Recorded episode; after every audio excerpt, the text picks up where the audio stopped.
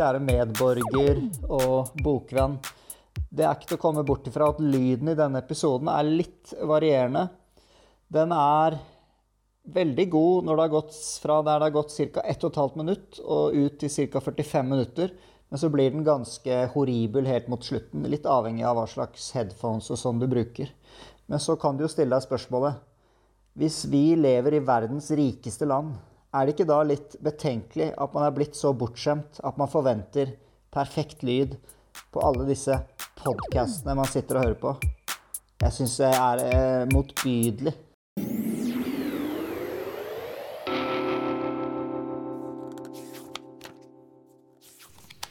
Kjære Gud, holdt jeg på å si. Men det er ikke det det handler om nå. Kjære lytter. Kjære medborger, medmenneske og bokvenn. Velkommen til denne episoden av Bladpodden. I dag skal det handle om musikalitet i språket. Og da har vi virkelig fått velge her fra øverste hylle. Vi har med oss Priya Baines, poet. Velkommen. Takk. Vi har med oss Victoria Kielland, forfatter. Velkommen. Takk. Og vi har med oss Eirik Riis Moslin, kritiker, redaktør, forfatter og eksmusiker. Ja. Fordi, Hvorfor kaller du deg eksmusiker? Fordi jeg, jeg spilte i band fram til jeg var 17. Og kanskje jeg var 13 år. Ja. Statsbakeriet.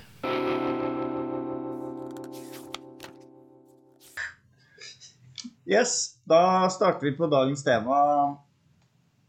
Musikalitet i språket. Og dere vet ikke, da, Priya og Victoria, men det er en grunn til at dere er blitt invitert i dag. Det er fordi vi mener at dere har musikalitet i språket. Bra, Ja, men, men, eh, men det er en kvalitet i begge deres skriving, og på forskjellige måter og sånn. Men eh, Så da syns jeg det er, verdt, det er verdt å snakke om. Så Priya, for eksempel. Nå skal jeg lese da fra, fra din eh, bok. Vi kan kanskje ta med tittelen først. 'Med resten av mine hender', kom ut i 2021. Jeg leser kort, bare for å gi et inntrykk. Familien sier Av oss fikk du kjærlighetens navn men også det ga du bort. Nå er ditt navn en dryppende honning fra noen andres munn. Kunne fortsatt. Det er jo diktet jo lenger. Og så Victoria Kielland. Mine menn. Flammen i peisen flakket varmt og stille. Bell trengte et vindu å hvile kinnet mot. Nedkjølt hud, glødende rød, duggfrisk, rolig og varm de små hårene på overleppa. Hun dro fingrene over munnen og hørte lyden av sine egne surklende lunger. Første spørsmål. Hva er deres tanker om det musikalske element i egen skriving? Vil du begynne? Eller? Ah, fader, du sa det først. Um, eh, jo, jeg kan vel prøve å si noe om det.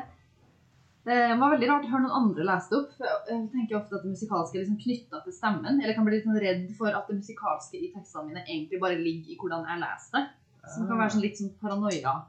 Um, det var litt rart å høre deg lese det, for da følte jeg liksom at jeg måtte revurdere det jeg skulle si. For jeg lurer på om det kanskje handler om stemmen min, mer enn det handler om lydene i ordene. Kan du, har du det sånn? Ja. Ja. Jeg, og jeg liker jo godt å lese opp sånn at jeg kan legge føringene for Ja. hvordan det skal høres ut. Ja. Mm. Det er veldig interessant. Jeg, skjønner, jeg kan godt skjønne det du sier der. At, fordi når dere da leser, så, så kommer du med en, en flow, da. Ja, det er akkurat Ja. Som man sier i, i, i hiphopen. Men for min del så er det helt bevisst at det er en egen måte å lese det på, en egen måte å lese det høyt på. At det Mm. er en forskjell mellom det som skjer når man leser inni seg og når man leser høyt. Mm. Ja. Men jeg lurer på om eh, liksom, når jeg skriver, at den eh, rytmen jeg da følger, den minner ganske mye om hvordan jeg leser opp. Eller at jeg når jeg leser opp, prøver å mime den rytmen jeg liksom kjenner når jeg skriver det. Så for meg så er det liksom de to rytmene som finnes. Og så er jeg liksom klar over at det finnes en tredje lydlighet, som er det en leser, og sikkert en fjerde og en femte, og så kan man gå videre. Men den forholder jeg meg på at ikke så mye til. Så nå kom det liksom bardust på Ja. når du leste. At sånn, å ja, Men du sier du, du er nesten altså det er paranoid. altså Det er noe du er nesten redd for. Ja. Ja, for jeg hadde Altså, jeg gikk et år på folkehøyskole eh, på skrivelinje.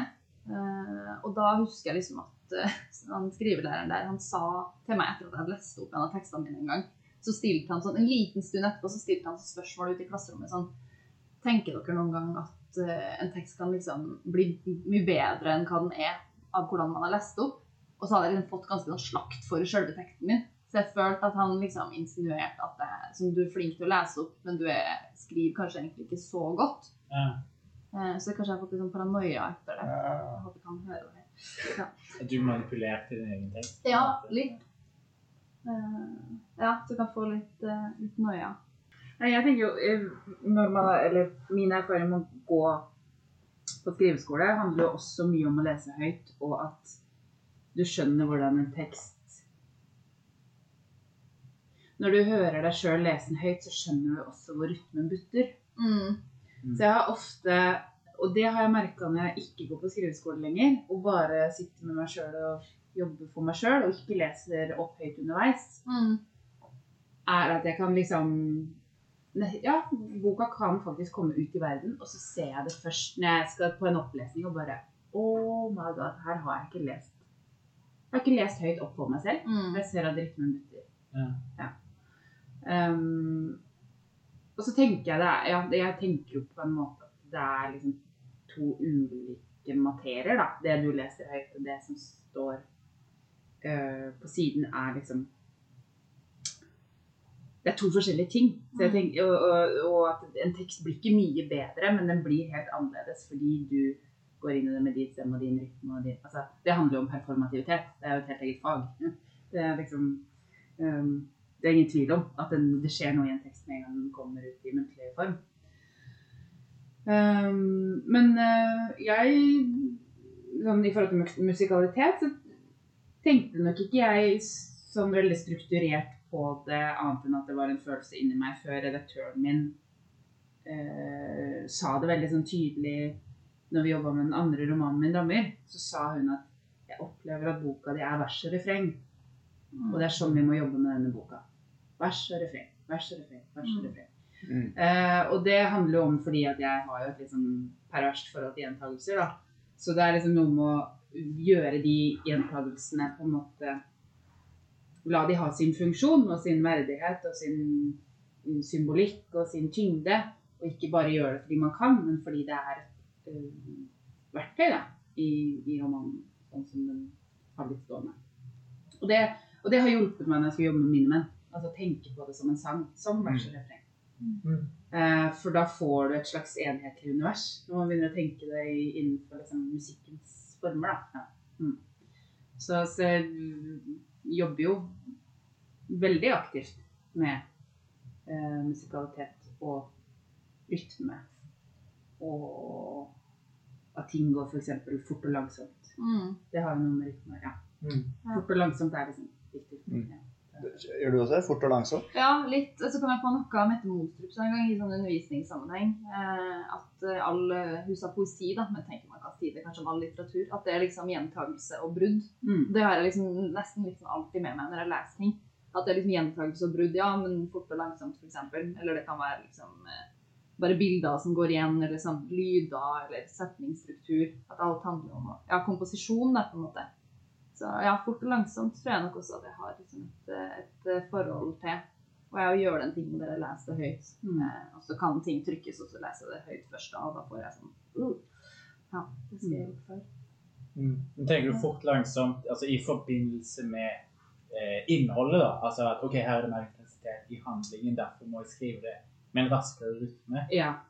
Mm. Og at, og at jeg eh, leser noe fortere og leser noe langsommere. Og det er, det er liksom det på en eller annen måte eh, teksten jobber med som et trekkspill. da, på en eller annen måte. Den trekker seg sammen og blir veldig rask, og så går den langsomt ut igjennom, beskriver og åpner opp på en måte kanskje utsikten, da, eller eh, hva man kan se da, i horisonten i romanen. I, I min siste roman kan man jo nesten ikke se noen horisont. Nei. Det er veldig Mm. Dette er helt konkret, dette er ikke symbolsk. Det er veldig sjelden man ser en, beskrivelse av noe som er langt borte. Mm. Um, men det er når de lange bevegelsene, når, man, når, når tempoet går ned, så er det at da kan man se langt. Men når tempoet går opp, så er det noe som er i syns... noe som på en måte eh, er foran øynene på hovedpersonen og den som leser. da. Mm. Ja. Mm. Og det er jo form og innhold som bare hekter seg på hverandre, da, for min del. Det er, Ja. det er direkte i kontakt hele tiden. Men er det noe, altså er det for dere begge da, er det noe intuitivt, altså, eller er det noe som er planlagt? Nå, ok, nå trenger jeg å komme inn i en, en annen rytme her. Eller er det bare å følelse på kroppen? Nei, for meg er det 100 intuitivt. Mm. Eh, vi snakka om det litt i stad, eh, Mm. før, før vi kom i gang her. Det der at em, I forhold til den artikkelen som, som var i blad om med, hvor du snakker om Kristian Refsum, så er det så Der er det liksom Jeg har jo ikke studert litteraturvitenskap, så for meg så er det det der å få disse begrepene på det, er nesten litt fremmed. Mm.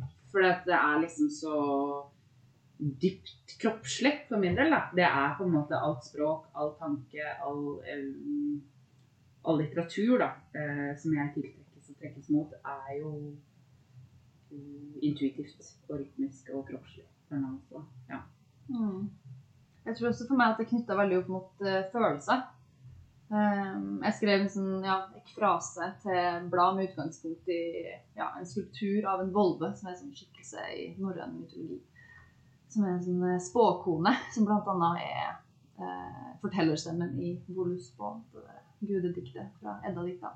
Um, og da jeg så den og har, Det er jo ikke så podkastvennlig, da. Jo da, det er det der, for du kan bare beskrive hva du ser. Ja, ikke sant. Ehm, da, det jeg viser fram nå, er bilder av skulpturen jeg så på Nasjonalmuseet, som er laga av Søren Lepsov Hansen. Den er fra ja, slutten av 1800-tallet. Kvinne med en slags drakt, eh, kappe.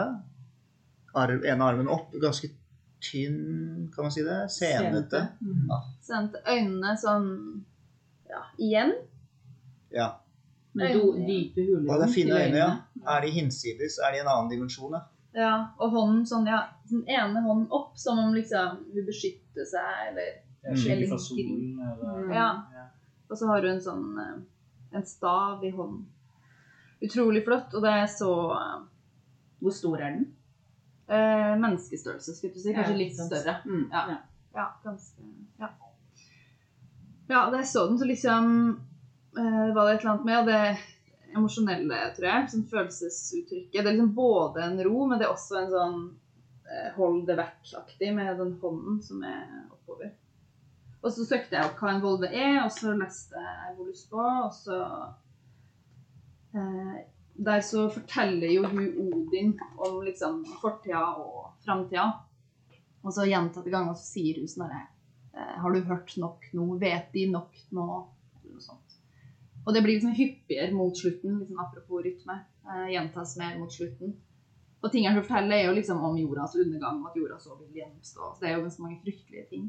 Eh, Det var et eller annet med det der, med at hun ikke har lyst til å fortelle, men hun må det. Liksom skjebnen hennes. Som jeg syns var så godt fanga i den skulpturen. Uh, og den liksom følelsen tror jeg at jeg syns det var liksom en rytme i.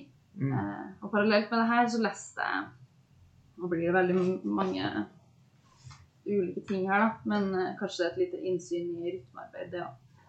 Jeg leste dikté av Teresa Hak Kyung-cha, som er en koreansk eh, forfatter. Det er en slags eksperimentell roman. Men siste side høres sånn her ut. Kan lese noen linjer.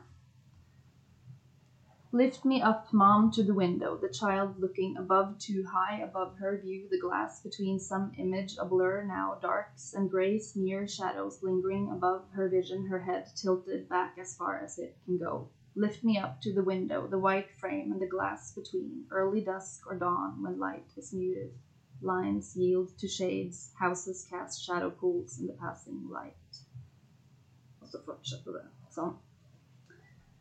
Og så tror jeg liksom den derre ordstrømmen som er sånn Det er liksom et syn, men det er liksom diffust.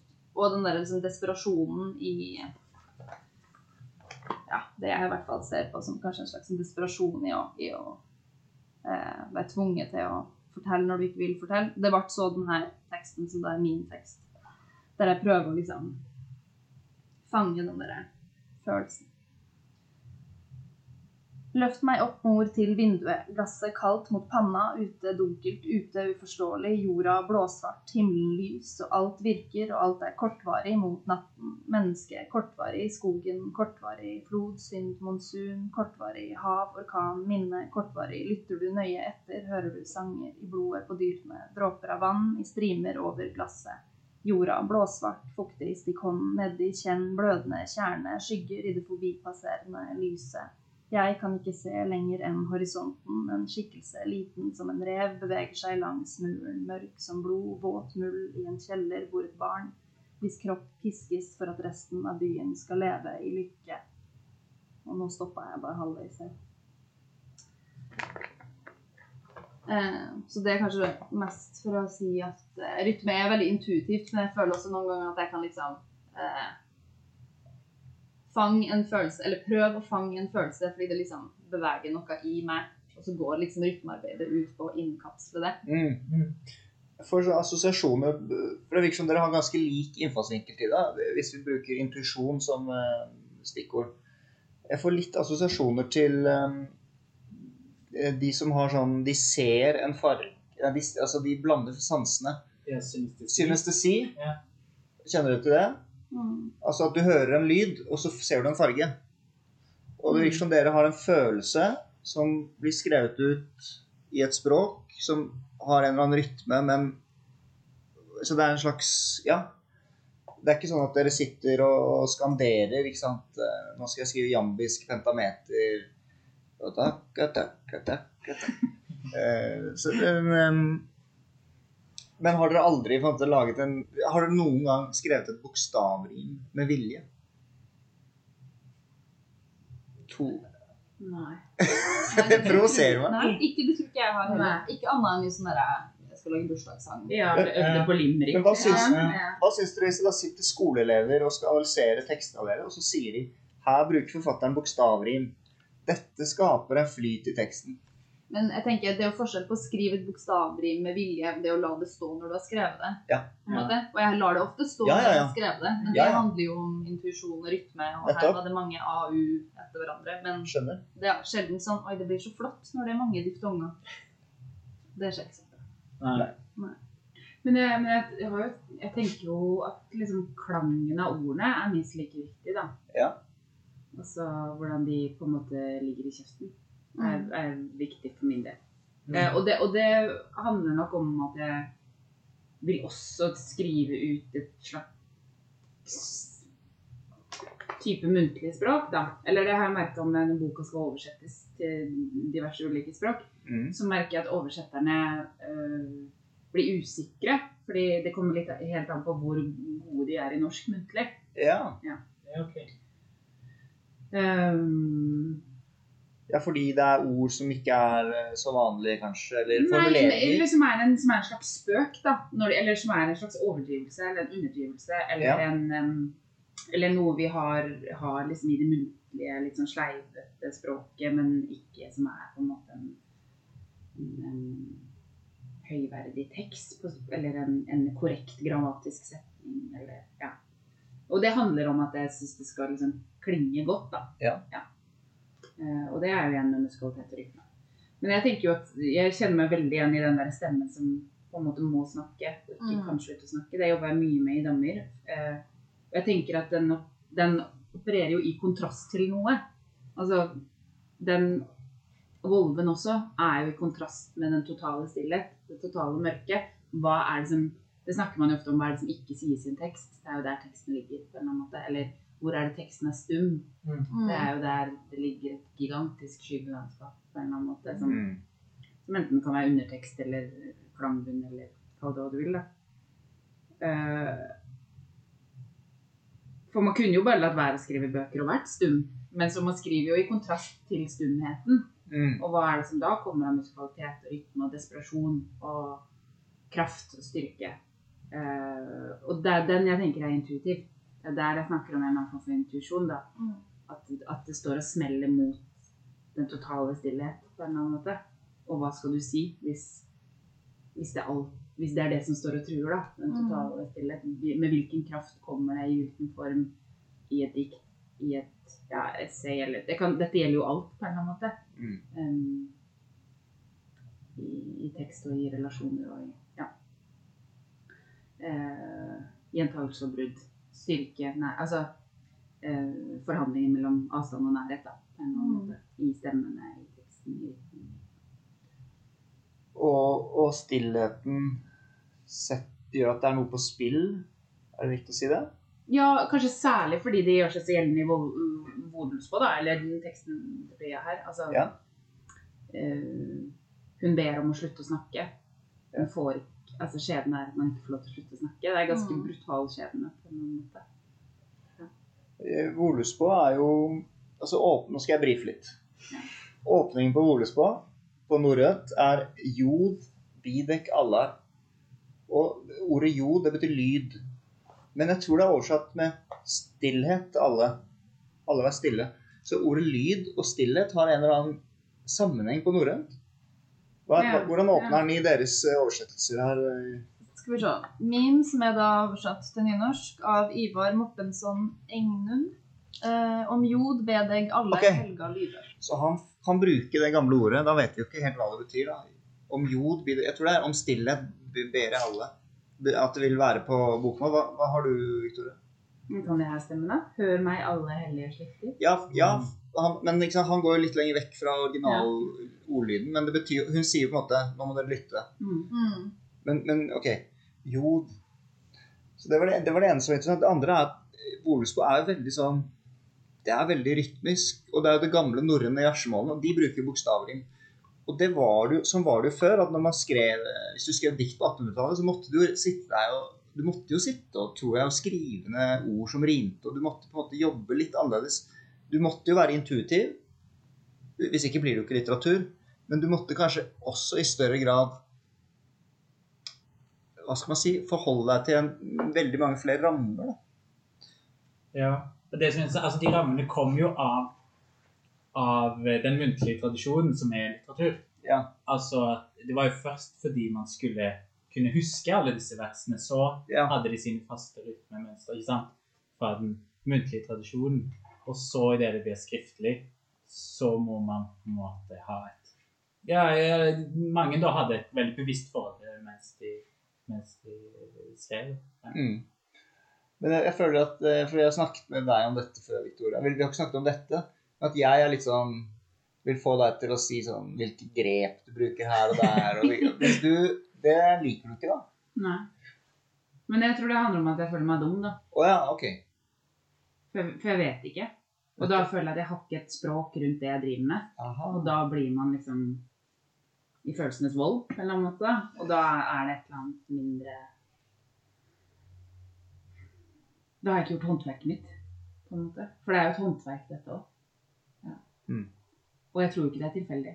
Og jeg vet at jeg jobber hardt med det. Men jeg har ikke noe, jeg har ikke noe teori rundt det jeg driver med. Nei. Eh, så, så, og det syns jeg jo er problematisk, for det mener jeg jo på en annen måte at man burde ha. Man burde, ha, man burde vite hvorfor man gjør det man gjør. Så du- når jeg skrev et sånn politikk til blad, så Ja. var det jo bare en sånn Dette gjør jeg. Jeg skrev om alt hva jeg ikke gjorde. Ja. Også, også på en eller annen måte eh, setter alle som gjør det jeg ikke gjør, liksom på plass.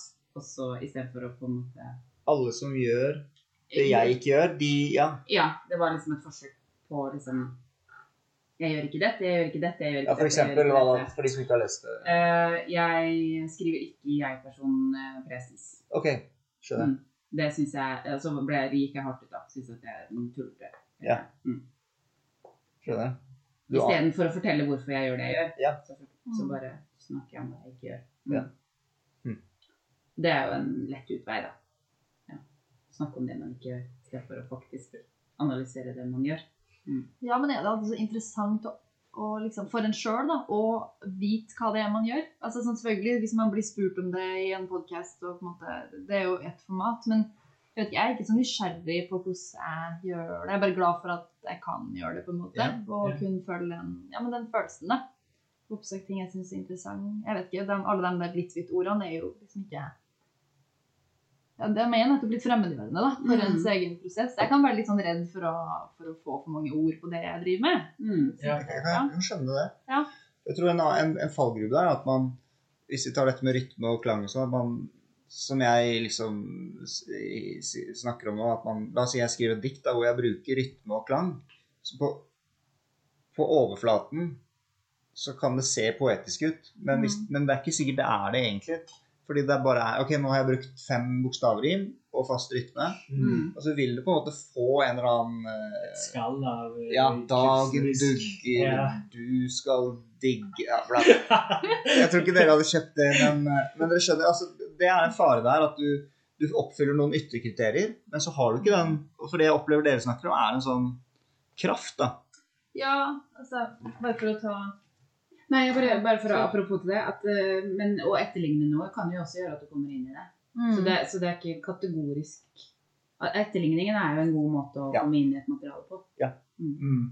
Hvis du syns at noe er bra, prøv å etterligne det. Ja. så ser du hvor vanskelig det er. Ja, og det har jo Ja, ja, ja. ja det til ditt eget. Eller det vil jo naturligvis bli til ditt eget. Ja, fordi du, du skriver deg på en måte ut av det likevel. Ja, Du klarer ikke å gjøre det Ja, ja, ja. ja, Det er vanskelig å kopiere godt, på en måte. Uten Ja. at det bare blir en dårlig kopi. Få for høre litt om det. Hvem, hvem er det dere Hvilke idealer har dere hatt i deres skriving, eller hvilke, hvem har dere blitt inspirert av? Med tanke på dette med musikalitet. Du har allerede nevnt eh, hun eh, Teresa Kyung-cha. Hakking-cha. Eh, ja, det var jo for så vidt veldig inspirerende. Men jeg, jeg tror ikke jeg har noen sånn én stor eh, Jeg tror ikke jeg hele som forfatterskap. Det kan være, det kan være enkeltlinja, på en måte. En stund så hadde jeg et notat på mobilen min som het liksom eh, Det het vel bare sånn flotte ord, eller noe sånt. Der jeg skrev sånne ord som jeg likte lydeligheten på. Sto det liksom krakelere. Kult. Husker jeg sto øverst. En stund siden jeg har hatt det nå. Og vaklevoren sto der.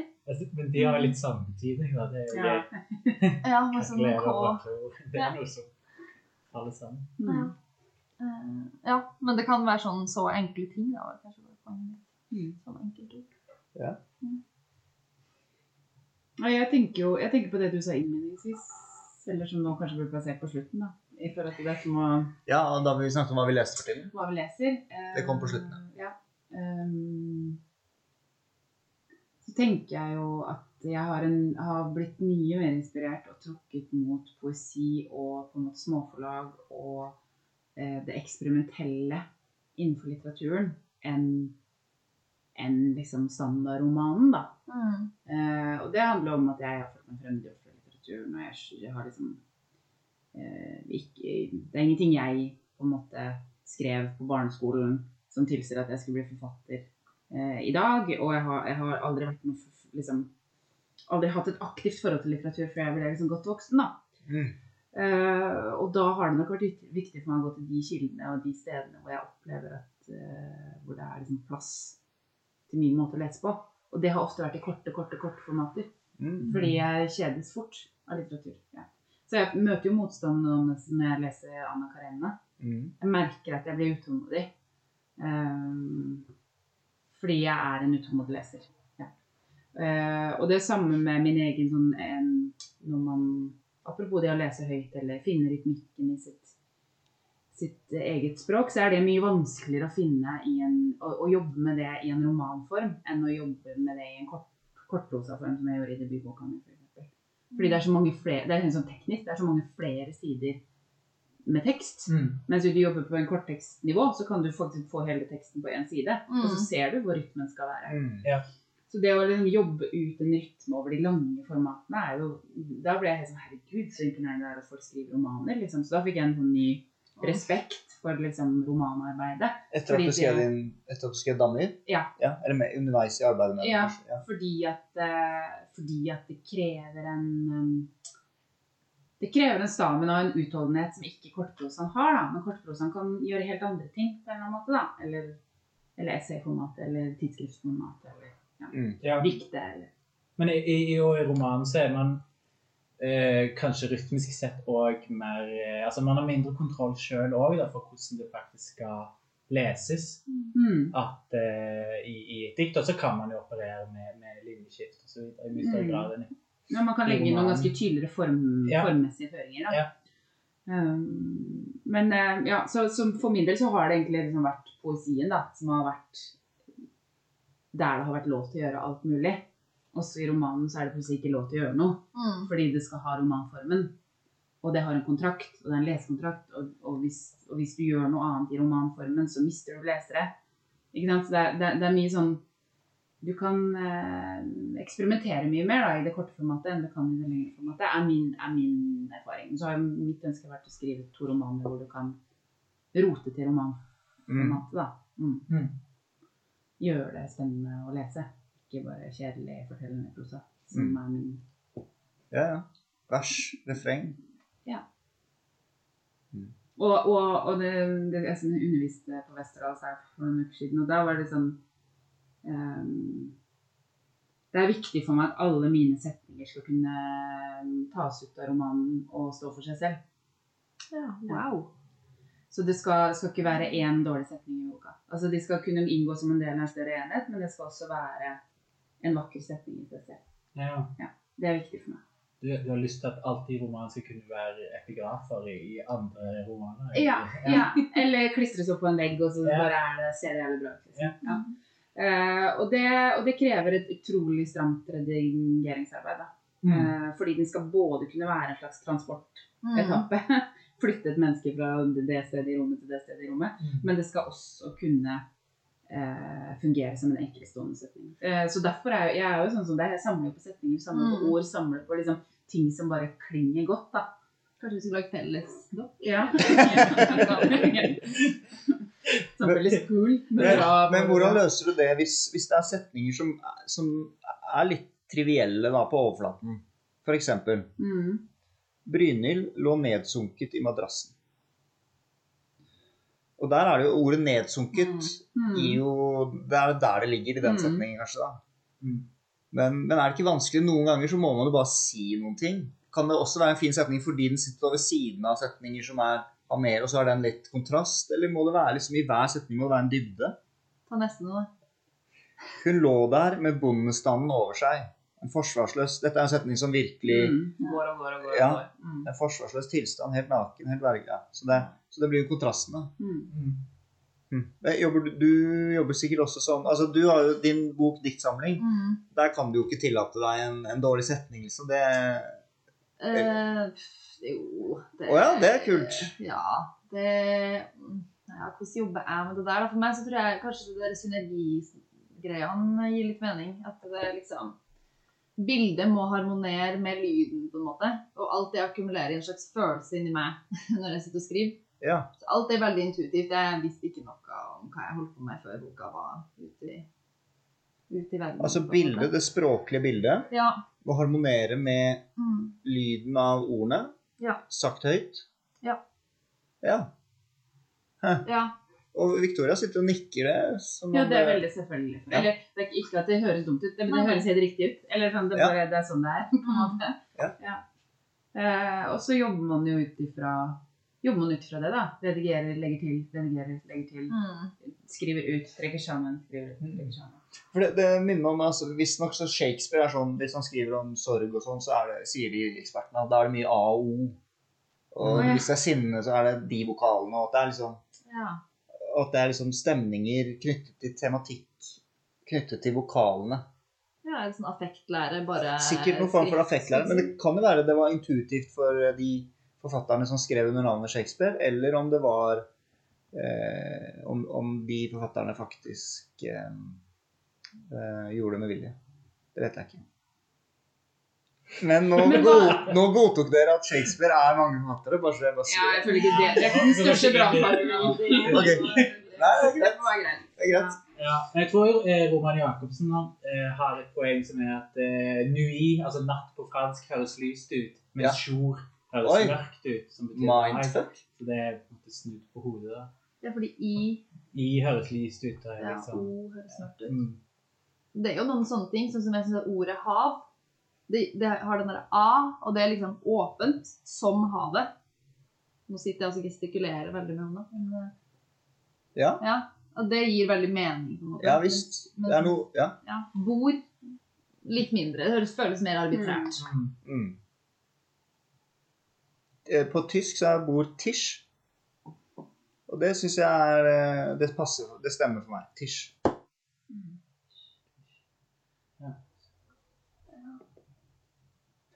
Men ja. Men hvorfor er man interessert i dette? For det er, her, det er nok her min gryende motstand mot Ja. litteraturvitenskapen begynner. Ja. For hva lærer vi av det? ja. Hva er spennende med det? At de ordene betyr det, og de ordene betyr det? Altså Hvis, jeg, hvis man kan koble det opp Ja, det, absolutt. effektlære, er det jo spennende. Da er jeg kobla på med en gang. For da er det liksom noe som knyttes til mennesket. ja. Mm. Ja. Men, men hvis det bare er noe vi går inn og gransker for å granske ja, ja, eller, og Si som det er en jambe, det er en troké Ja. ja, eller den type nærlesning som jeg blir sånn gjør Jeg føler at ja, Nå går det veldig mye på min selvtillit innenfor litteraturvitenskapelige termer her, da, men, men at det er sjelden at jeg syns den måten å granske litteratur på åpner litteraturen for meg. Den Mm. gjør den bare mindre. Ja. Eh, For når jeg leser, så er det, kan det skje liksom gigantiske ting i mitt indre. Og så kan jeg lese en litteraturvitenskapelig analyse av den samme boka, og så føler jeg bare at Ja, ja, ja. alt faller sammen. Ja. Alt er gjort konkret. Alt det store jeg har opplevd, er liksom totalt borte fra denne analysen. Det er bare nagla, Mm. nagla til korset. Liksom, den, den lyden betyr det, det betyr det, det betyr det. Og så er jeg sånn Men nå bare tømte du jo all magi ut av, ut av det verket der. OK.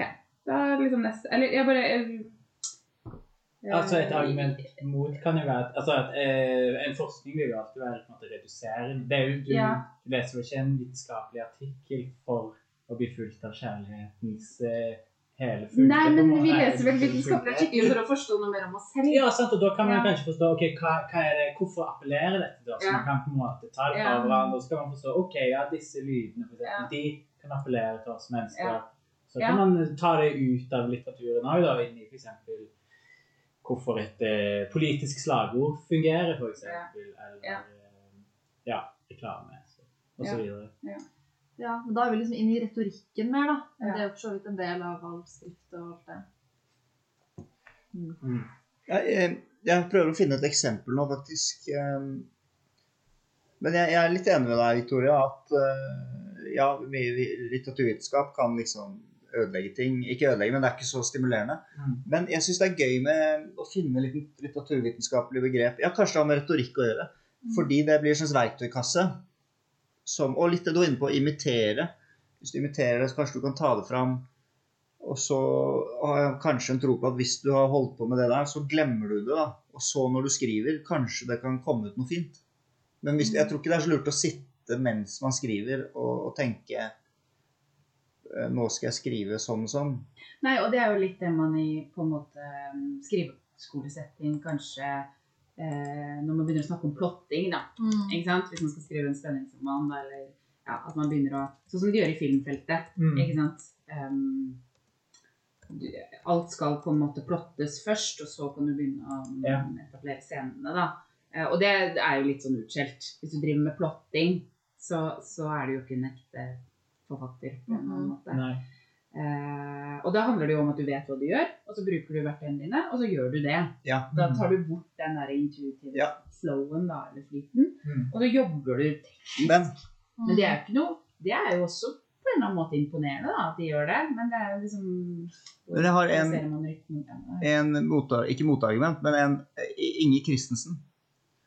Og f.eks. 'Sommerfugldalen', eller der, der er hun jo helt sånn Der er rytmen Der er hun smidd. Er ikke det Fibonacci Jo, og det er de alfabetene, og Mm. der jobber hun jo veldig sånn eh, For å skrive en sonett, klassisk sonette, så må man jo sitte med disse jamber og trokene og Mm. Ja. Men hun må jo ha intuisjon òg. Ja. Ellers ville det vært dødt. Men det er jo derfor hun er en stor, stor, En stor ja. dikter. Det er jo fordi hun klarer å møte form og innhold med en sånn Ja, en puls, vil jeg nesten si, da, hvis vi skal snakke om intuitiv rytme. Ja. Ja. Uh, og når man hører henne leser òg Det finnes jo noen gamle opptak. OK, Så er det fint? helt, ja, det er nesten sånn resiterende, liksom. Mm. Ja. Kanskje vi kan klippe inn at hun leser her Uh... ja, det er et gammelt YouTube-klipp, blant Ja. annet. Mm. Eh, ja. Du også hørte, ja? Ja, Mm. veldig sterkt. Er det en forfatter begge dere har et forhold til? Like. Ja, hun er stort forbilde. Mm.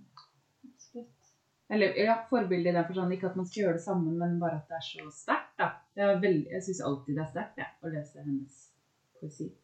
Det er liksom Det er et eller annet sånn utrolig intuitivt som popper opp av siden på en eller annen måte.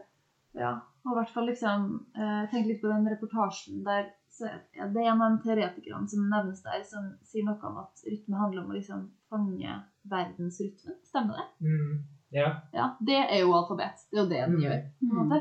Mm. Med den der, både med liksom innholdet og benevninga, men også bare det der liksom messene. Som bare sånn skriver seg helt inn i gjenstandene den liksom tar for Mm. seg. Det, ja, det syns jeg bare gir utrolig god mening. Man, bare, man kommer liksom nærmere verden av å lese det, Ja. selv om det er en avbildning. Mm. Mm. Og det, det må jo være målet med rytme. Mm. Mm. Mm. Å komme nærmere verden. Det må jo det. Ja. Ja, og det tenker jeg sånn, Du har jo nevnt dette med musikk. da. Det er jo det musikken gjør. Den bringer oss jo nærmere verden på en eller annen måte. Eller oss selv i verden. Eller Ja, og, sinnstilstanden ja, og nesten noe utenfor oss selv òg. Mm. Altså noe som ikke er rent subjektivt kommer fra oss sjøl, men noe som er Altså noe som egentlig ikke kommuniserer på en sånn språklig måte, da. Noe som kommuniserer ja, mer intuitivt rett til, Ja. Mm. følelsene Mm. eller affektene. Det er et godt begrep. eh, Ja, da. Men i stedet for musikalitet, musisk. Ja. Eh, Det husker jeg fra da jeg studerte i sin tid musikkvitenskap. Eh, Og det musiske mennesket, som er litt det vi snakker om nå, som ikke liksom er musikk i snever forstand, men som mer er det som skjer mellom mennesker, bevegelsen, de indre følelsene, rytmene, Vitalitet. vitaliteten. Det er så vanskelig å sette ord på. Og så var det alltid det var et sånt supereksempel. Så var det var en Afrik, et afrikansk eh, stamme som eh, hadde et begrep som het engoma. Det var liksom den hellige gralen for det var at det spilte ikke noen rolle om du spilte instrumentet eller om du hørte på. Det var det samme. Og om du Mhm. danset eller spilte eller satt og hørte på, alt det var bare en goma. Det kan være dette her er litt sånn eh, idealisert eh, gjengivelse av det, men allikevel tanken er veldig fascinerende. At, at det er noe Ja, kommer nærmere livet. Det er en kraft. Det er en essens. Litt den stillheten du var inne på i sted, som ligger under her og, og brøler, da. Mm. Mm. Ja, for stillhet kan jo være ganske bråkete, Mm. Selv om den er stille. Ja. Det, vi har sikkert alle vært borti mennesker som ikke sier noe, men som er veldig til stede med å ikke si noe. Mm. Det er jo Mm. en, et eksempel på en brølende type stillhet. Ja, ja, hvordan bare det at liksom, folk kan bli så fortært av ting de aldri sier høyt noen gang, fordi det liksom blir større. Eh, noen kjappe spørsmål til dere. Hører dere på musikk mens dere skriver? Går det an? Ja. Hva slags musikk? Og det Åh, det føler jeg liksom sånn flaut. Ok, ja, Første boka jeg skrevet til liksom to Bon Iver-album. Ja, ja det kan jeg se for meg. Ja. Eh, det føltes også litt corny, men eh, det er sånn er det. Ja. Og nå når jeg sitter og skriver for tida, så hører jeg mye på Arooj Aftab, som er sånn pakistansk ja, neo-sufi. Ok, spennende. Er det me ganske meditativt? Eller? Mm, nei da, hun er også litt sånn jazzy, på en måte. Eh, Men med tekst, eller med vokal. Ja, men hun synger på urdu, som jeg forstår sånn litt av, for jeg snakker punjabi. Men jeg forstår Mm. liksom ikke nok til at det er distraherende. Jeg forstår hoved, de liksom store ordene som er sånn her kjærlighet og Mm. uh, fylla, forstår jeg, og måne. Faen. Mm. de store størrelsene får jeg med meg, men ikke liksom eh, ja. Mm. Og det er ikke så mye tekst. Mm. Mm. Mm. Hva med deg, Victoria? Um, jeg, hører, jeg hører nesten alltid på musikk når jeg skriver. Så det er nest, ja, et én-til-én-forhold, mer eller mindre. Um, og så er det ulike etapper av skrivinga og hva slags type musikk som kommer inn.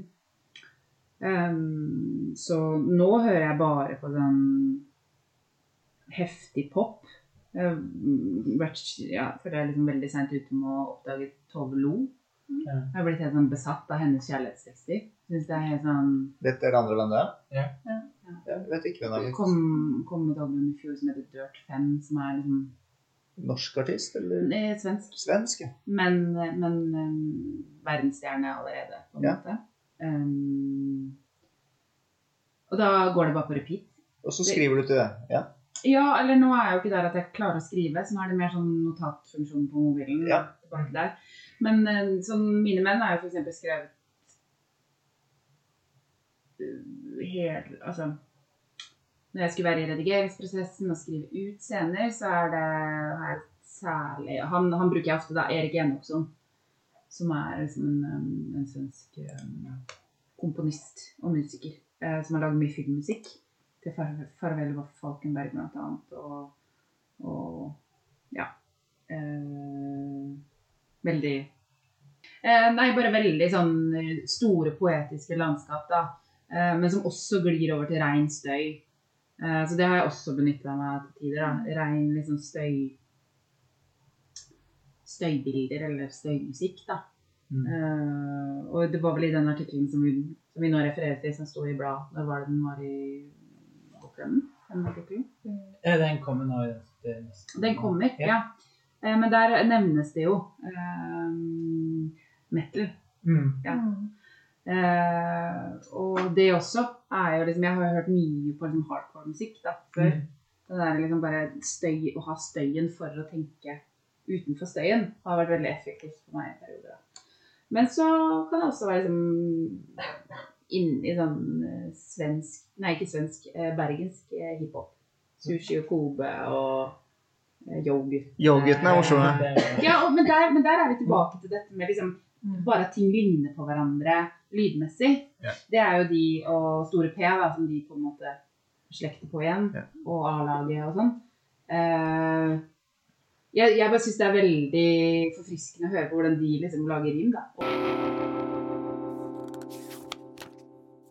Ja, hiphop er fantastisk eh, med klang og rytme og sånn. Og så lurer jeg på Blir dere som forfatter noen ganger, og kanskje særlig når du skriver liksom, dikt, men du skriver også poetisk eh, prosa, men blir mm. litt misunnelige på hiphoperne som har den derre nedslagsfeltet med lyrikken sin? Eh, I hvert fall kan ha det, da. Jeg vet kanskje hva jeg mener, at de kan stå på en scene med Det kan poeter også gjøre å lese opp, men, men der står folk liksom bare og, og hyller dem da, som, som eh, nesten religiøse ikoner. Nei, det tror jeg kanskje ikke jeg har kjent så mye på. Altså For meg så er liksom poesiskrivinga også en sånn visuell aktivitet. Det aspektet får man jo ikke like mye med eh, leser opp. Visuelt. Ja, altså hvordan det ja, ser ut på sida. eh, Sånn rent tegnmessig, på en måte. Eh, ja, nei, jeg har ikke noe sånn Nei. Bitterhet over å ikke være rapper. Altså, jeg kan nok ofte ha tenkt sånn der, når man kommer inn i et rom, og så hvis man har vært med på sånn, sånn tverrfaglig eh, underholdningsopplegg, og så har det vært musikk, og så kommer forfatteren, Ja. løfter du ikke det rommet. Nei. Nei, og det har jeg ofte vært så misunnelig på. Sånn, Ja. du kommer Ja. ikke inn og løfter et rom som forfatter. Nei. Da skal, da skal folk innover og sette seg ned og tenke, og så ser du Men det, da er det jo arrangøren sitt, sitt ansvar å plassere musikken til slutt, da. Men eh, jeg har vært noen ganger hvor man kommer og bare «Åh, Sorry, folkens. Jeg vet at det er ikke dette dere vil ha, men nå blir det sånn. Um, men, men jeg husker jo denne gamle spalten Vers i Dagbladet. Vet ikke om dere husker den? Marius Emanuelsen blant annet var inne og skrev, og mm, godeste um, Martin Bjørnsen og et par andre.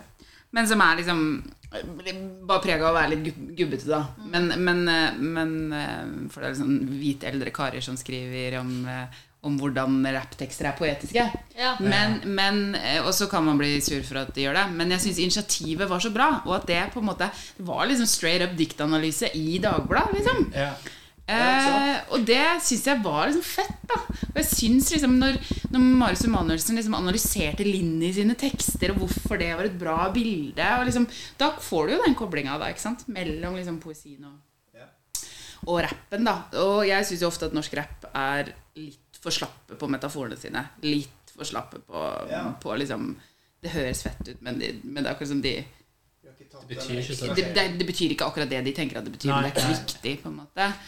Eh, og jeg husker jo, jeg tror det var på Furuset, Deichman Furuset, de hadde et arrangement med Ingvild Lote og Linni og skulle snakke om, om liksom rapp og poesi, da. Og det tenker jeg man, man kunne gjort mye mer, da. Eh, snakka, snakka liksom helt sånn systematisk. Hvordan er det rappere, eh, rappere jobber? Hvordan er det liksom eh, poetene jobber. Eh, For jeg tror både det er likt og ulikt, da. Og, og det der at de har det der sporet, de har den, den Altså den rytmen under, da, som faktisk er en ekte Hva kaller man det, da? Det heter noe. Ikke jingle, men sample, eller hva de nå har. Ja. En beaten, ja. Så eh, det, Der tenker jeg det er mye sånn at man kunne liksom snakka mer om det sammen. For jeg tror det er, tror det er mye spennende, da. Og jeg tror, jeg tror det er minst like intuitivt for de eh, som det er for, for oss, liksom. Ja, absolutt. Og så lurer jeg på hva kommer først. Kommer beaten først? Og hvordan tenker man tekst ut ifra en beat? Ja. Og hvordan gjør vi det når vi jobber? Har vi Ja. egentlig en beat, men den syns Ja. ikke på papiret? Men den er jo der. Ja. Altså er det jo to ulike typer posering, på en måte. Eller to ulike karakterer, da. Eh, så hadde det vært interessant hva om når eh, Å få en rapper til å faktisk skrive et dikt, og på en måte gå inn i diktkarakteren, da. Eller poetkarakteren, og, og, og vice versa. Yahya Hassan er vel en av de som i størst grad har på en måte kobla de sammen, da. De to posisjonene. Ja, jeg tror faktisk aldri jeg har hørt noe opptak eller noe sånt da han leser. Han resiterer jo veldig, men også i en veldig sånn dansk tradisjon, da. Ja.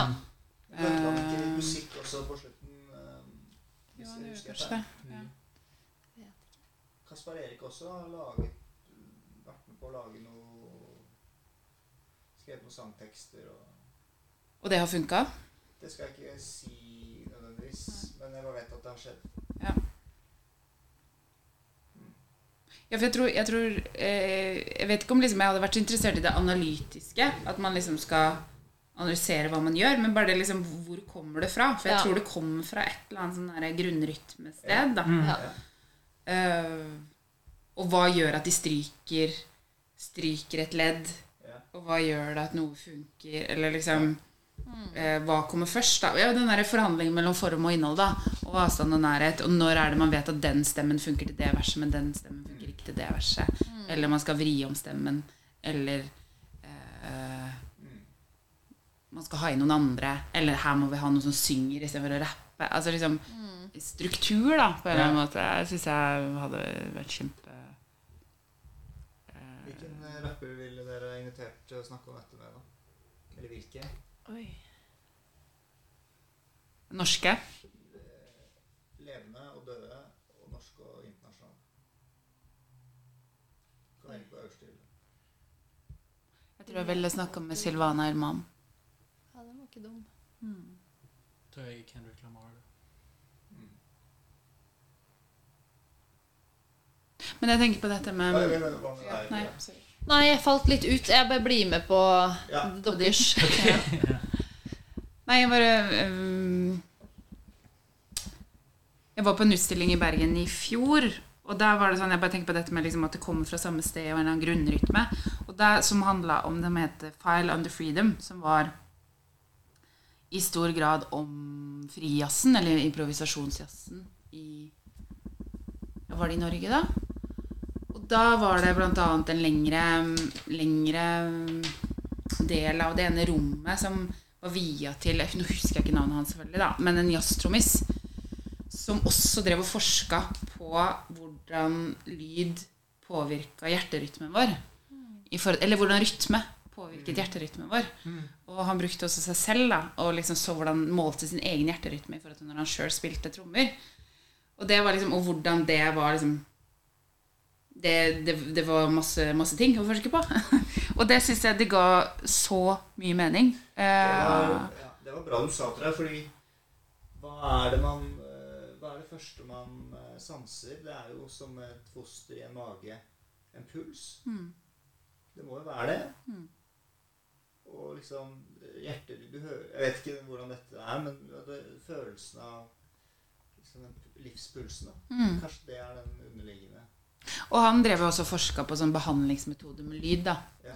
At i forhold til, liksom, Jeg lurer på om det var noen kreftpasienter da, som ble utsatt for liksom, en ulike typer liksom, bassfrekvenser eller lyder. da, Og hvordan det faktisk kunne være en mulig behandlingsmetode. Da. Ja, det var veldig spennende. Men han kom jo da fra improvisasjonsjazzen. Så det syns jeg var liksom eh, veldig sånn eh, bare vakkert og utvidende perspektiv på hele verden. Ja.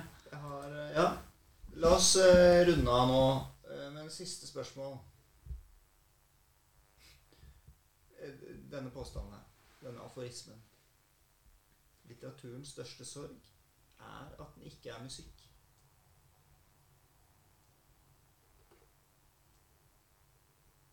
Er det, er det sant? Eh, nei. Eller jeg vet ikke. Jeg tror jeg blir sånn litt eh, irritert på påstanden. Eller Ja. sånn, Alt er jo en del av det samme, og så bruker man ulike midler for å komme Ja. nærmere verden, Det på er en fa- måte. et falskt skille. Ja. Alt er en del av det samme. ja, eller all skapelse tenker jeg jo er på en måte en del av det samme. Og det Sånn samme, hva er det da? Ja, ikke sant? Ja, men den skapende impulsen i mennesket kan enten bli til et eh, ja, musikkstykke, eller det kan bli til poesi, eller det kan bli til et bilde, det kan bli til noen pinner som ligger i sanda, og en samtale. Altså, Pinner? ja, for eksempel. da, Jeg vet ikke. Ting har jo den formen det har fordi det var i den formen det måtte bli, tenker jeg. Ja. Eh, og det snakker man jo mye om sånn i forhold til i, i, i forhold til liksom, scenekunstkritikken, da, som jeg kommer fra, er jo ofte sånn at hvis du, hvis du begynner å vil Hvis du begynner å ville endre en forestilling eller et verk, Mm. da har du ikke lest verket på verkets premisser. Mm. Du må stille deg spørsmålet hvorfor er dette verket som det er. Hvorfor har du fått denne formen det har fått? Mm. Og det tenker jeg jo også med all litteratur. da. Hvorfor har det fått akkurat denne formen? Uh, litt sånn som du snakka om hun i stad, hun på Instagram, som lager disse liksom, memesene. Mm. Det har fått den formen fordi det er på Instagram. Derfor har det fått en form. Det, løfter du det ut av den formen, så er det ikke sikkert det har samme, samme avtrykk i verden. Eh, så litteraturen er jo litteratur fordi det skal være litteratur. Eh, ikke fordi det burde vært musikk, men fordi det i sin form kan si noe musikken ikke klarer. Mm. Ja, nei, jeg er egentlig helt enig eh, i det. Kanskje den største sorgen i, i livet er at livet ikke er som musikken. For musikken er jo så Den er på en måte Altså, livet er jo å gjøre masse små hverdagslige ting hele veien, men musikken er jo noe Men òg selvfølgelig også litteraturen på sitt beste. Noe som løfter oss på en måte over alt det. da. Så det, Jeg vil heller si det enn at det er litteraturens største sorg at den ikke er musikk.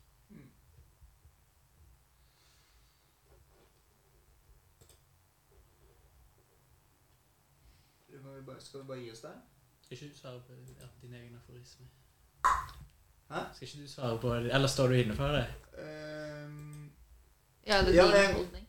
eh, nei uh, Ja, jeg kan si ja, Jeg føler at Jo, men jeg tror vi er inne på det samme her. Men at i språket så kan det være en sånn lengsel, og det kan jo være lengsel etter det, den kraften vi har snakket om, og og det er den skaperkraften. Og at musikken på en eller annen måte Det er noe med musikkens direkte tilgang til følelser Mm. som kan være veldig eh, eh, ja, fristende og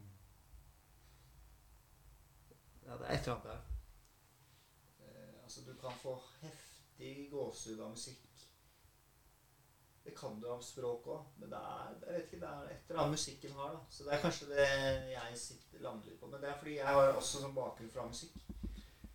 Eh, Så det er en personlig historie her om noe jeg ikke fikk til i musikken. Mm. Ja, det er din største sorg at du Nei! Jeg sa det! Jonas' sin største sorg er at han ikke er musiker. Eller nei, det er feil. Jonas' sin største sorg er at han ikke lager musikk. Takk. Eh, Er det mer å legge til, eller eh, er vi fått fram en del, det viktigste?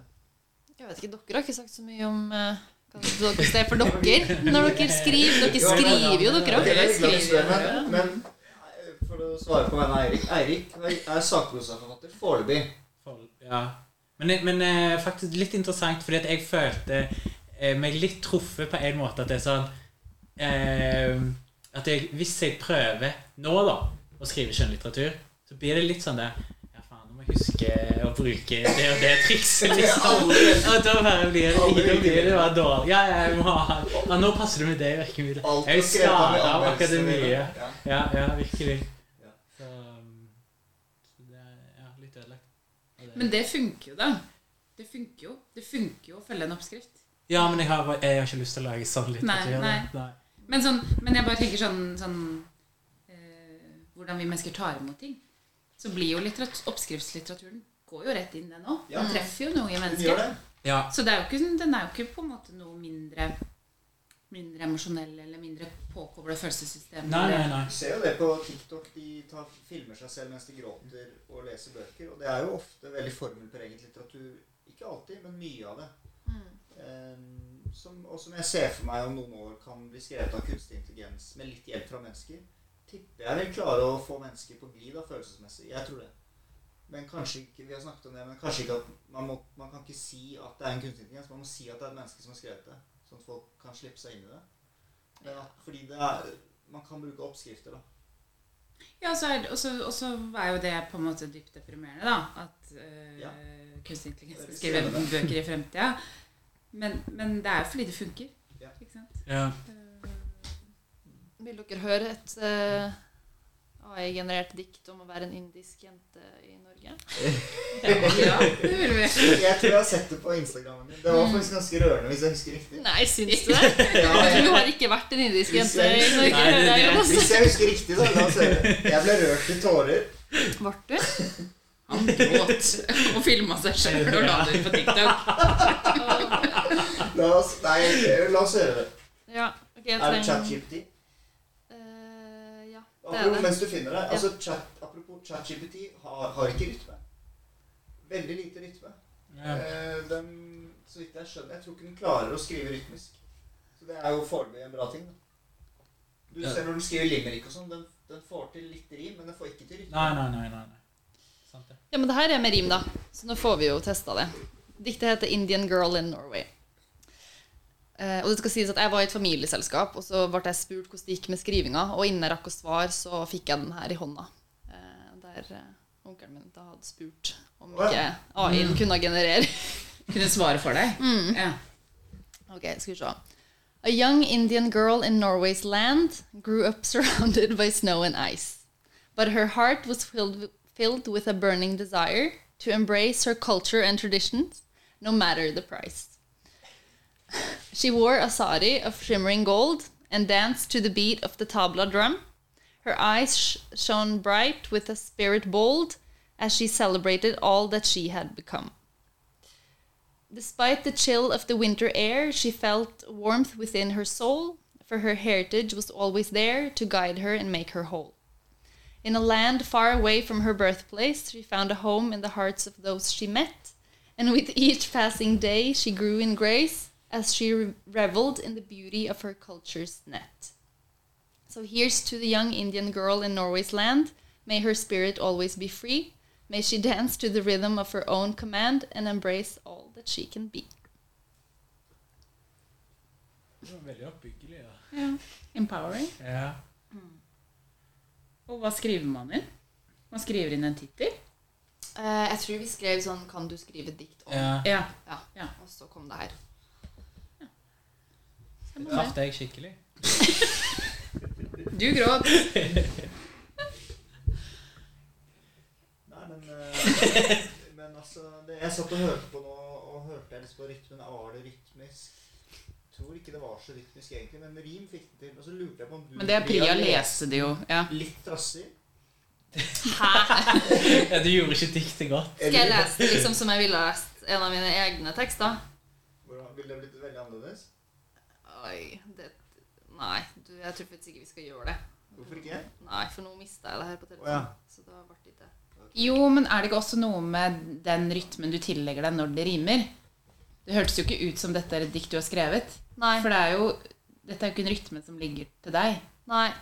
Nei, og jeg synes det er alltid litt vanskelig å lese med enderim, faktisk. Fordi hvis ikke, ja, nettopp hvis ikke resten av rytmen Ja. passer til enderimet, så går det jo på en måte ikke opp i munnen. Det. Ja. Og det er mange som bruker enderim, som ikke bruker rytme. Men kan du lese det, Jonas, kanskje? A young Indian girl in Norway's land grew up surrounded by snow and ice, but her heart was filled with a burning desire to embrace her culture and traditions, no matter the price. Nei, jeg, jeg vil si at det, det er ikke rytmisk. Nei. Her er det ikke rytme. Nei. Så man prøver. Det er det der ordet 'traditions' der. Mm. Men vi ba ikke om rytme, da, skal sies. Ja, ja, ja, Kan man be om det? Kanskje. Kan Jeg vet. Jeg vet ikke. Men det er ikke alt She tar stilling wore til a shari of shimmering gold and danced to the beat of Nei, den skifter hele tiden. Lage en liten rapp på slutten. Nei, nei men, men det er en Det, kan, det er en liksom, Det er uh, tunglettet, tunglettet jeg, jeg elsker jo nerder på sånne ting. Her er en, en amerikansk barnebokforfatter som skriver sånn Alle bøkene hans er på det versmålet. Det er sånn At the far end of town where the grickle grass grows and the wind smells and the wind smells slow ah, Jeg klarte ikke. So, sour, slow and sour when it blows. And no birds ever sing excepting old crows is the street of the lifted lorax. And deep in the grickle grass, some people say, if you look deep enough, you can still see today where the lorax once stood just as long as it could before somebody lifted the lorax away. Tung lettlett, tung tung Helt sånn eh, konsekvent. Det er, det er suggererende. Ja, du begynner jo å bevege på det med en gang du Ja. leser. Mm. Ja, men det er fordi jeg, jeg kjenner til det, også, liksom Ja. vil jeg inn i det. Selv om jeg bomma litt der, men, men det tror jeg ikke ChatGPT får til enda. Man kunne se at din største sorg var det med musikken. Ja. Det er. Neste gang må du be om en rapptekst om en ung indisk jente i Norge.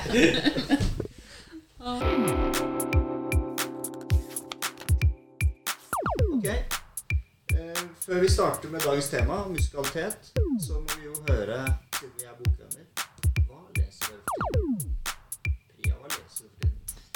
Um, ja, egentlig så har jeg sånn liten nyttårsforsett om å lese færre bøker. Uh, som er kanskje uortodoks. Lese grundigere, da? Eller? Eh, les mindre i bokformat er vel egentlig ambisjonen. Les flere liksom, enkeltessays, mer tidsskrift nå har jeg egentlig drevet og lest uh, i Fett, som jeg sitter i redaksjonen til. Lest uh, korrektur på 8. mars-utgaven. Så det har jeg hatt med. Uh, men jeg har også sneket meg én bok. Jeg var på hyttetur i helga. Da var det peis og ski og sånne ting. Da måtte det være en bok. Og det er da Sylvia Plath, 'Tre kvinner', som er et eh, dramatisk, poetisk verk.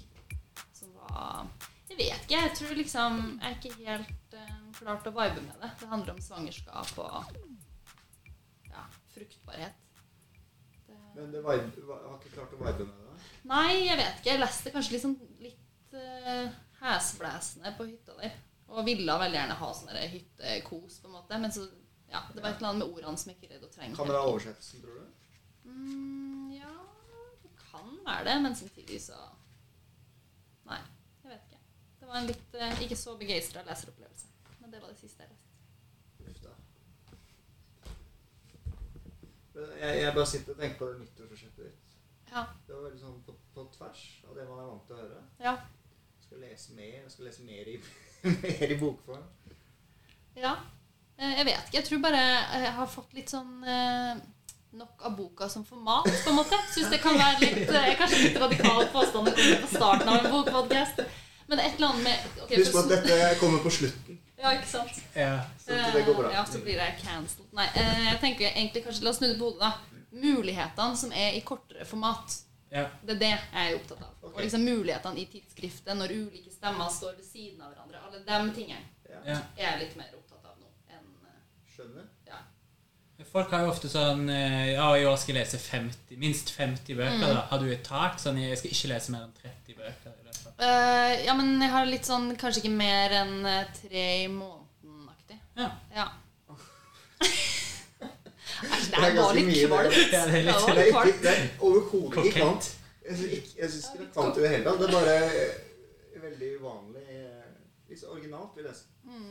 Nei, jeg tenker jo Det er jo mange argumenter for at romanen eller boka er en borgerlig konservativ form. Mm. Man kan jo tenke seg at det skjer mye mer eksperimentering i andre formater som man aldri ville fått gitt ut på et ordinært forlag. Mm. Ja. Så jeg tenker man finner mye mer Ja. eh, lekenhet og eh, brudd, da, kanskje, i tanke og form i andre steder. For det tillates mer, da. Ja, det, ja, det er akkurat det. Og det vil en finne litt ut av hva det er som rører seg utafor ja, det lange narrativet. Likte dere den vindueteksten til Ola Morris Innsett om, om Han hyllet på en måte skjermen og tek, alle tekstene som finnes på internett. da. Mm. Og tidsskrifter og alle rare tingene du kan få innblikk i. Kjenner du til den? Ja da, jeg les, skumleste den. Uh, ja da. Det, men, men jeg tenker jo at han var jo opptatt av skjermen. Jeg tenker at Det der finner du også i, i trygt form. Ja. Ja. Ja.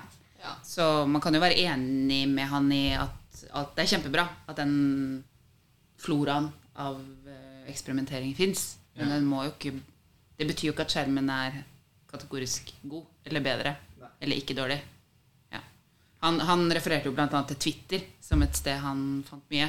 Det syns jeg er et forferdelig høl av drit, Ja. liksom. Så, så Men jeg syns jo Det fins jo andre gode digitale tidsskrifter. Jeg syns jo Vinduet for eksempel, er gode.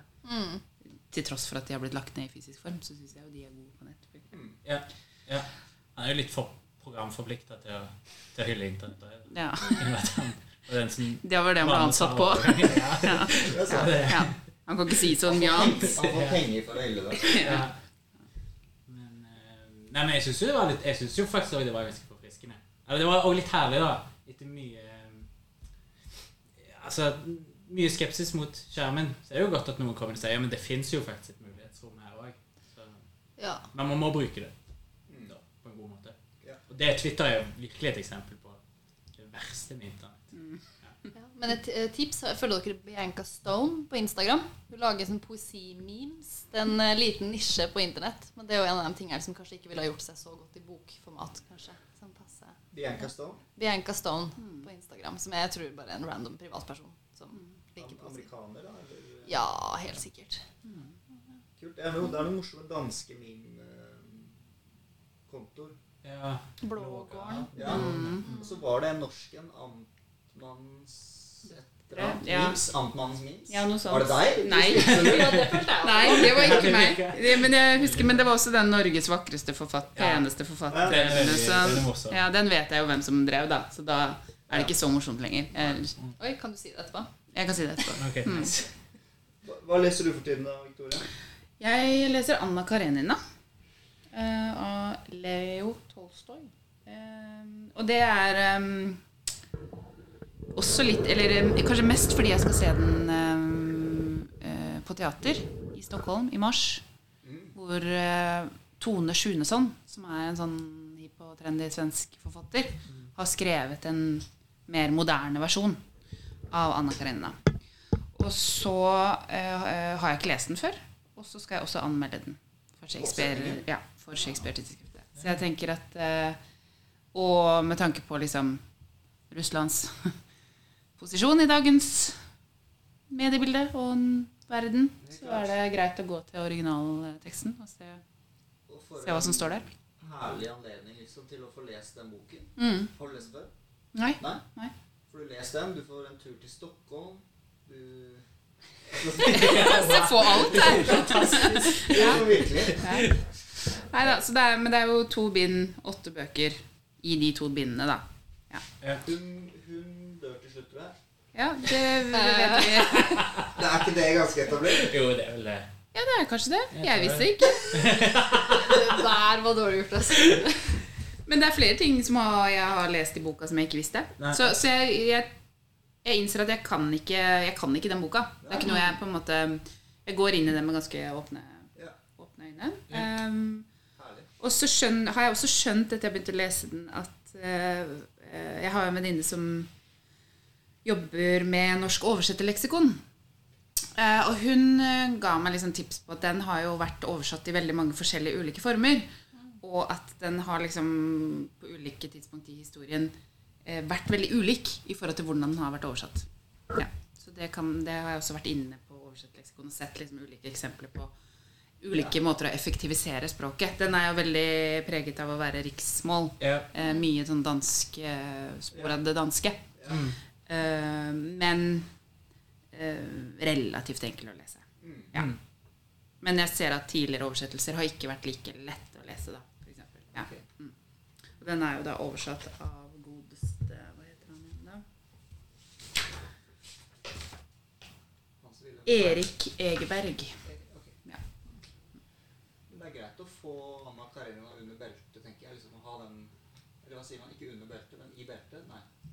Med, ja, inni seg, med seg. Under huden. Under huden er det vel. Ja. Det er greit å ha den.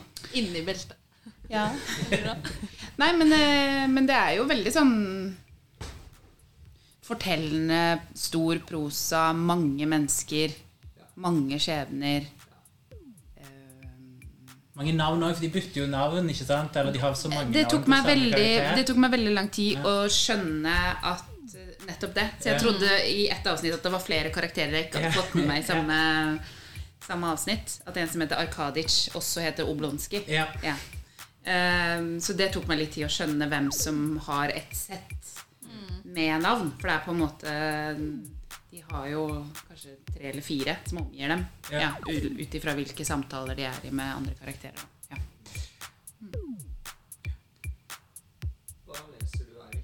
Jeg, eh, for tiden så leser jeg eh, Jeg har også lest veldig mye korrektur eh, siste på Det nye blad. Eh, men så leser jeg òg innimellom slagene Cormac McCarthy, eh, 'Passasjeren', som kom eh, like før jul. Om, som handler om Bobby Western.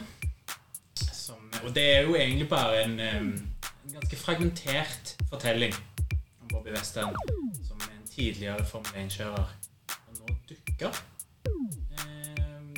følger man bare hans.